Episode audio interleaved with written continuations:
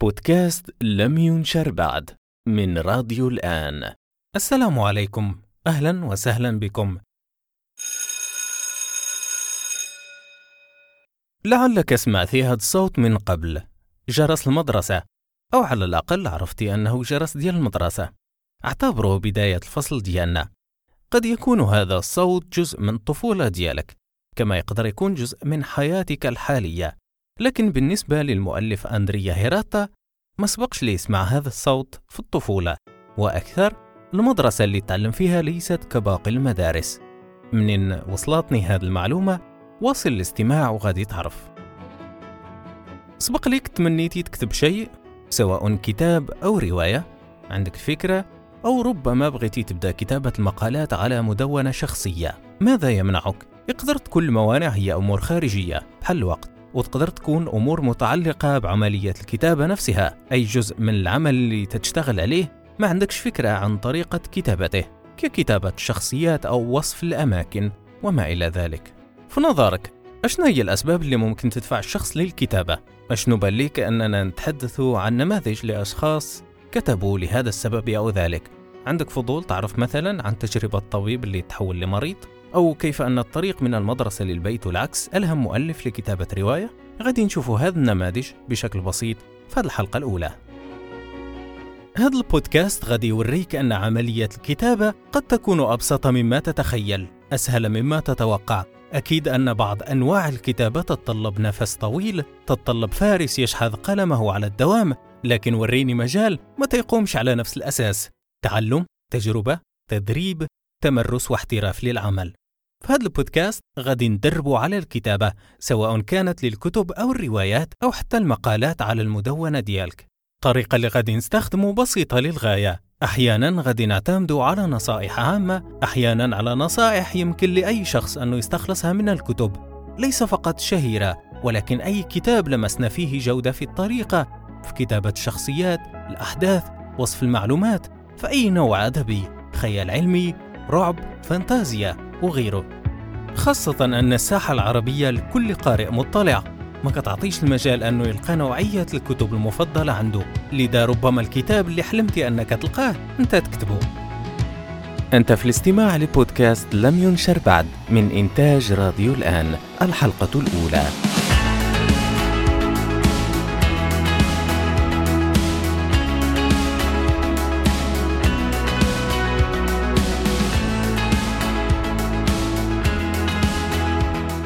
مرحبا بك من جديد. أنا خالد شخص مهتم بالكتابة والتدوين.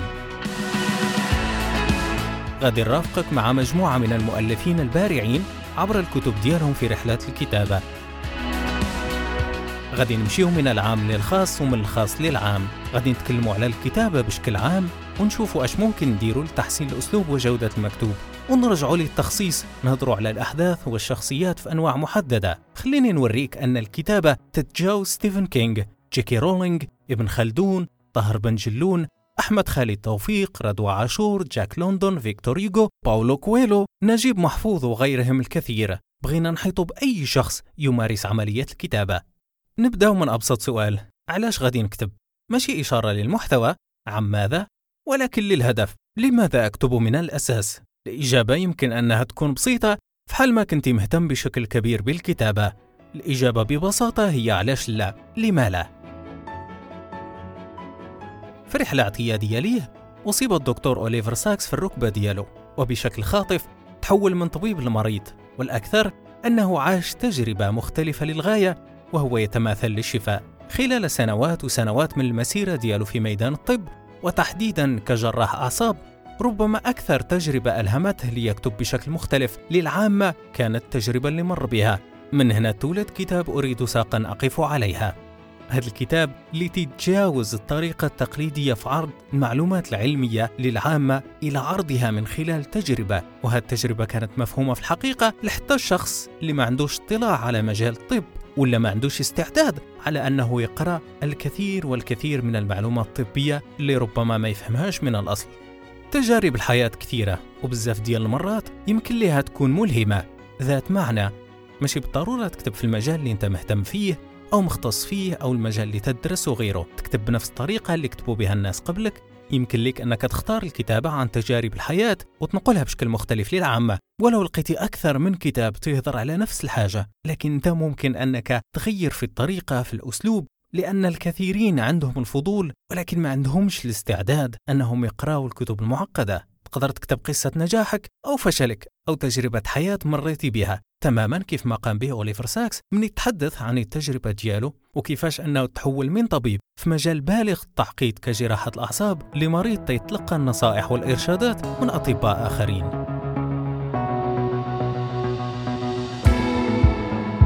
لوريل بريتمان امرأة عزيزة على الحيوانات وربما أنت كمستمع عندك الاهتمام نفسه سواء للحيوانات الأليفة اللي تعيش من حولك أو الكائنات العظيمة اللي ربما لن تتاح لأغلبنا الفرصة أننا نشوفها على أرض الواقع. لكن كيفاش تولد كتاب Animal Madness لوريل تبنات كلب لكن بمجرد أنها تدخرج تتغير التصرفات ديالو لينتهي به المطاف في النهاية أنه يقفز من نافذة ولكن يعيش.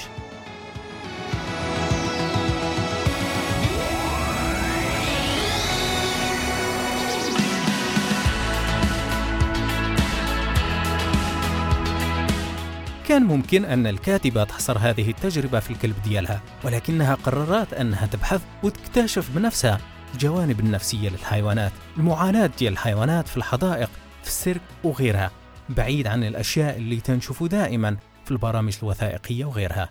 لوريل بغت تعرف أشنو جرى للكلب ديالها ولكن في نفس الوقت بغت تورينا نحن أيضا أننا ما تنعرفوش الكثير عن النفسية ديال الحيوانات وكيف أنه التفاعل ديالنا كأشخاص يمكن يأثر عليها. لماذا تكتب؟ لأن هنالك شيئا تكتب عنه. هذا الشيء اللي ممكن يكون ليك بديهي أو تجربة صغيرة وشخصية. يقدر يتحول لعمل أكبر وأضخم. تقدر تخلي الكتاب ديالك كبحث أو دفاع عن قضية. تقدر تكتب الكتاب اللي ما لقيتيش في الرف. وربما مرت عليك هذه العبارة اكتب الكتاب الذي لم تجده على رفك أو في مكتبتك. تجاربك في الحياة مهما كانت صغيرة. تقدر تنقلها بشكل ما لصفحات كتاب. Cinq balles dans la tête. خمس رصاصات في الرأس. فهذا الكتاب اللي ما مترجمش للغة العربية انتقلت الكاتبة من سؤال بسيط.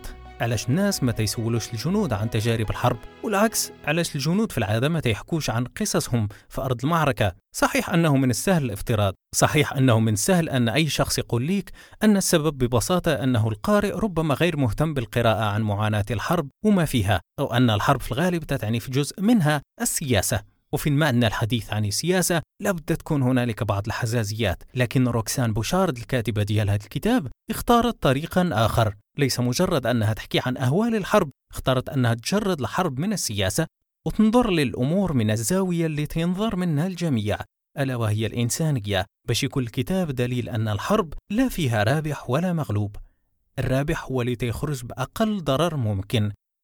حكيت لك على هذا الكتاب بالتحديد وعلى هذه التجربة لأن الكثير من الكتب جاءت من الإجابة عن سؤال. ماشي ضروري أنك تعيش تجربة بحال أوليفر ساكس باش تكتب عليها وما تحتاج توقع عليك شي حاجة أو تأثر فيك تجربة كالوريل مع الكلب ديالها باش تكتب. ولكن تقدر تكون كاروكسان عندك فضول تبحث عن إشباعه عندك سؤال بغيتي تعرف الإجابة عليه. تقدر تبدأ الفكرة على مدونة ومنها تنمي الفكرة باش تردها كتاب اللي بغيت نوصل ليه. سبب الكتابة قد يختلف. ملايين الناس كتبوا لي أن عندهم رسالة البعض بغاو يوصلوا تجربة وحسب. البعض عندهم قضية بغاو يدافعوا عليها. كثيرين بغاو يجاوبوا عن سؤال أو أكثر وغيرها الكثير. إذا كنت تتساءل عن تجربتي مع الكتابة فعندي تجربتين. الأولى هو كتاب عن القراءة. نعم كاتب جيد هو في العادة قارئ جيد. لكن كتبت شخصيا كتابي الأول. اقرأ كتابا لتقرأ. حنتي شفت أنني في بداية رحلتي كقارئ ما لقيتش الكتب اللي ممكن توريني الطريق. ما تحسسنيش بالذنب إلا ما كنتش تنقرأ بزاف أو إلا كان الغرض ديالي من القراءة أحيانا هو المتعة لا أكثر. القراءة تحتاج أنها تبقى نشاط بسيط وكذلك هي الكتابة.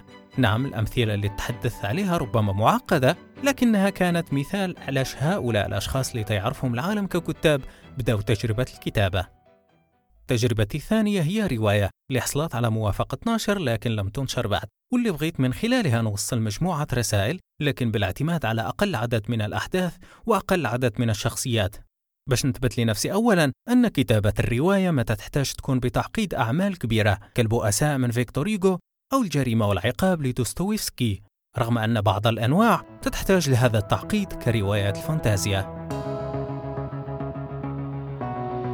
الطريق المعتاد ديالهم من عمر عشر سنوات بين المنزل ديالو والمدرسة اكتشف الروائي الروسي ديمتري غلوكوفسكي على أن محطات المترو في موسكو تبنات باش تكون عند الضرورة ملاذ آمن في حالة الهجمات النووية. هذه المعلومة كانت كافية بالإضافة للمخيلة ديالو أنه يخلق عالم كامل يحظى بشعبية كبيرة حاليا في روسيا وحول العالم بالروايات اللي بداها مع رواية مترو 2033 اللي نشرها كتجربة في الانترنت باش تحول من بعد لمجموعة من روايات رئيسية ثانوية من أشخاص آخرين قصص ألعاب وغيرها.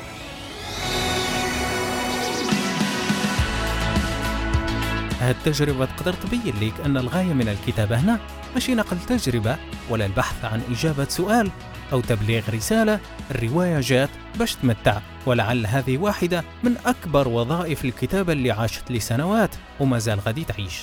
بالتأكيد من الممكن أنه عن طريق الكتابة الإبداعية من خلال قصة أو رواية خيالية تبلغ رسالة. هي الوسيلة اللي اختارها مثلا أندريا هيراتا باش يوصل التحية ديالو لكل أساتذة العالم وباش يوصل رسالة حب خاصة لمن ساعدوه يوما في التعلم والخروج من الفقر.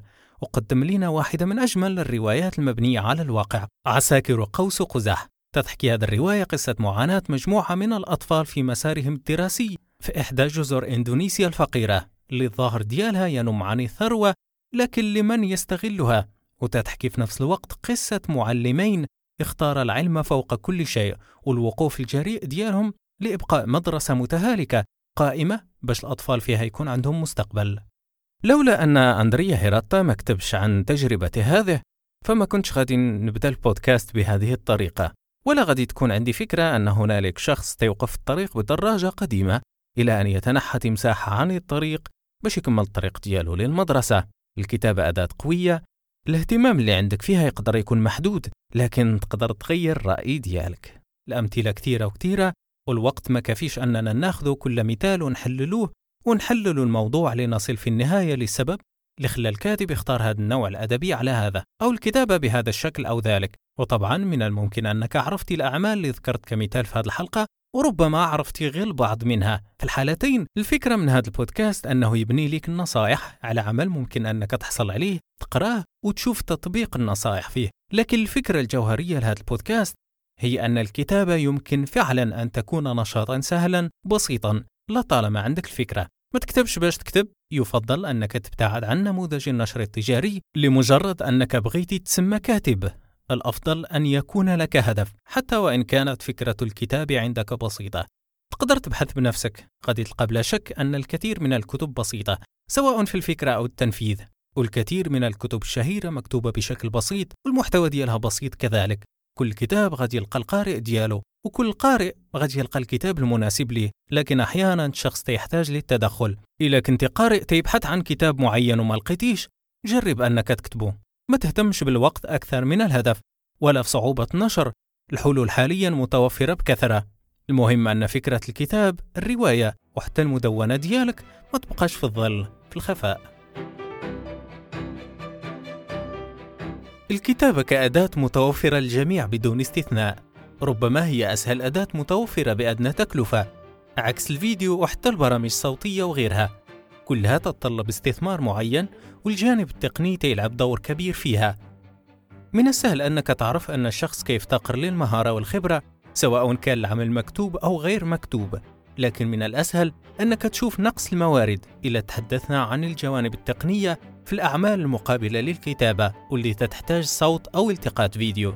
في الحين اللي مع الكتابة يمكن لك تحكم على الأسلوب أو المكتوب لكن سواء تكتب ما بين يديك على لوحة مفاتيح بقلم على ورق فاخر أو دفتر مستعمل كلها عندها نفس الحظوظ تنتقل بين قارئ لقارئ وتأثر في أشخاص ربما الحالة اللي تقرأوا فيها الكتاب أفضل بكثير من الحالة اللي تكتب فيها. زيادة على ذلك العديد من الأشخاص عندهم رغبة في العمل على ربما أفلام أو وثائقيات أو أعمال شبيهة تتطلب الوقت الجهد وحتى معرفة مكتسبة. كما أن هذه الأعمال حتى إذا كانت مستقلة تستدعي تدخل أكثر من شخص. ومن تيكون هنالك ضغط من صاحب التمويل وتيكون التمويل أقل من الطموح تخرج تجربة ناقصة. هذا افتراضا أنه اتاحت لك فرصة للعمل على الفكرة اللي عندك.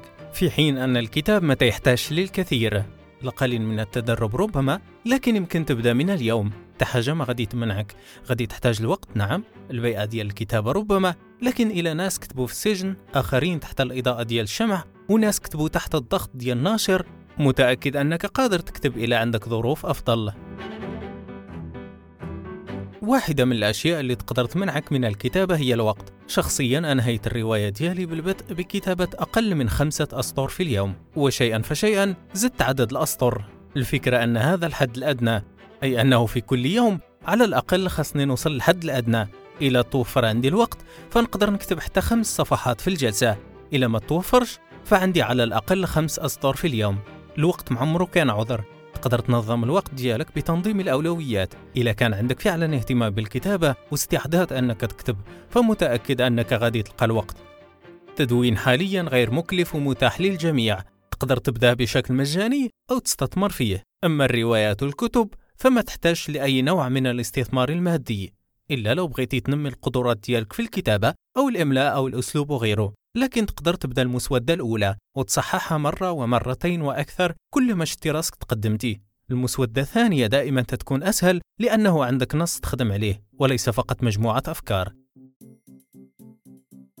من خلال تجربتي البسيطة في التدوين والكتابة لمجموعة من المواقع والكتابة كمستقل أكثر شيء يزعجني عند البعض أن الاعتقاد ديالو أنه ما خصوش يكتب لأنه لن يجد فرصة للنشر. صحيح أن التحديات مع النشر موجودة ليس فقط عربيا ولكن عالميا لكن حاليا هنالك الكثير من الفرص. إذا بغيتي فعلا الأعمال ديالك توصل للقراء فالأعذار في الحقيقة قليلة جدا. لطالما أننا تكلمنا بشكل عابر على مسألة النشر فخليني نقول لك أن الطريق الوحيد للفعل هو الفعل. وهذه من العبارات اللي ممكن لك تخلص بها من نفس الكتاب اللي تحدث عليه سابقا. أريد ساقا أقف عليها. الطريق الوحيد لعملية الكتابة هي ممارسة الكتابة. الطريق الوحيد لكتابة كتابك الأول هو البدء من الصفحة الأولى إلى الثانية ورقة ورقة. وكذلك الأمر مع رواياتك. مهما كانت البدايات صعبة والنهايات صعبة أو عملية البحث صعبة تقدر تلقى لها حل. لكن من المستحيل وأشدد على ذلك من المستحيل أنك تلقى حل لشيء غير موجود في الأصل. خلي عملية النشر إلى أن يكون لديك عمل كامل وجاهز. حينها وحينها فقط يمكن لك تقول بثقة أن عملية النشر صعبة لأنه غادي يكون عندك دليل. الكثير من الأشخاص تغيرت حياتهم بشكل كامل لأنهم قرروا في وقت ما أنهم يبدأوا عملية الكتابة والخطاب موجه حتى اللي معمرو جرب أنه يكتب. للكتاب المبتدئين اللي مازال ما عطاتهمش الحياة تجارب كبيرة وكثيرة تخليهم يثيقوا بالقدرات ديالهم. الكتابة تحتاج لدفعة صغيرة أحيانا. علاش ما تعتبرش هذا البودكاست دفعة اللي غادي تحتاج باش أنك تبدأ؟ إن كان لي ممكن أنني نختم بنصيحة معينة فغادي تكون بلا شك أنك ما تقارنش نفسك بالكتاب الكبار. المشهورين الأسماء الأيقونية اللي مرت عبر التاريخ واللي ما زال عايشين حاليا. طبعا لابد لنا أن ننظر للبارعين لنلهم أنفسنا. لكن حتى هؤلاء البارعين اختار أي اسم أنت معجب به. كن متأكد أنه في مرحلة ما بدأ من الصفر وربما بدأ في واحد الوقت. للمصادر اللي متوفرة ليه أقل بكثير من المصادر اللي متوفرة لك حاليا. والفرص اللي تحت ليه أقل من الفرص اللي متاحة لك حاليا. الحلقات القادمة غادي نركزوا إن شاء الله على مجموعة من الأمور متعلقة بالكتابة. أحيانا تتخص التدوين أحيانا الكتب وأحيانا أخرى الرواية. ما تنساش أنك هنا ما كتستمعش لي بشكل رئيسي فقط بل لمجموعة من الكتاب اللي ما غاديش نقول أنني تنتحدث نيابة عنهم ولكن تناخذهم كمثال واللي من خلالهم غادي نحاول ناخذ أفضل مما قدموا. نبسطوا للدرجة اللي غادي نقدر عليها باش نعاونك على أمل أن المدونة الكتاب أو الرواية اللي عندك اهتمام بكتابتها لن تأخذ الكثير من الوقت وحتى إن كانت ستأخذ الكثير من الوقت من المهم أن هذا الوقت تستثمر في عملية الكتابة وليس بالتفكير وحسب ولا أعني بهذا التخطيط بلا شك. نتمنى أن هذه الحلقة جاوبت على سؤال علاش غادي نكتب وهذه المرة المعنى مزدوج. علاش غادي نكتب إشارة للمحتوى عما سأكتب. وعلاش غادي نكتب إشارة للسبب أو الهدف. لماذا سأكتب؟ الحلقات القادمة تقدر تفتح عينيك على أشياء اعتقدت أنها صعبة أو معقدة في عملية الكتابة. ما غاديش نقول ليك أن كل الحلقات موجهة للجميع. غادي نحرص على أنها تكون منوعة لكن أنا متأكد أنها غادي تكون مفيدة.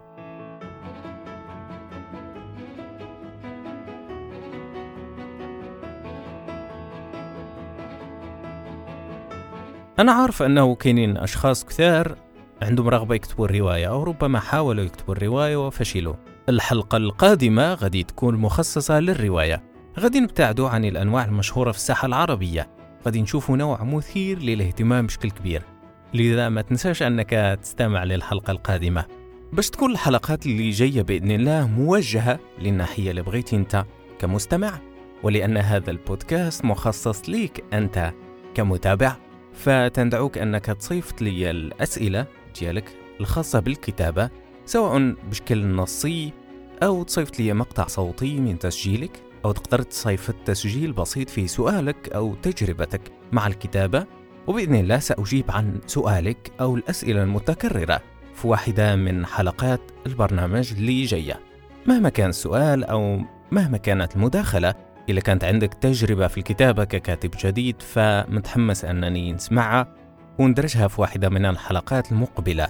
عرفتي الآن أن الحلقة القادمة غادي تكون عن الرواية. تقدر تصيفط لي سؤالك عن الكتابة بشكل عام في أي من المجالات اللي غادي نتكلموا عليها مستقبلا. ما تخجلش والأهم ما تبخلش عليا بأسئلتك. فأنا تنتسنى الأسئلة ديالكم أو المداخلات ديالكم على الإيميل الآن fm at الآن dot tv.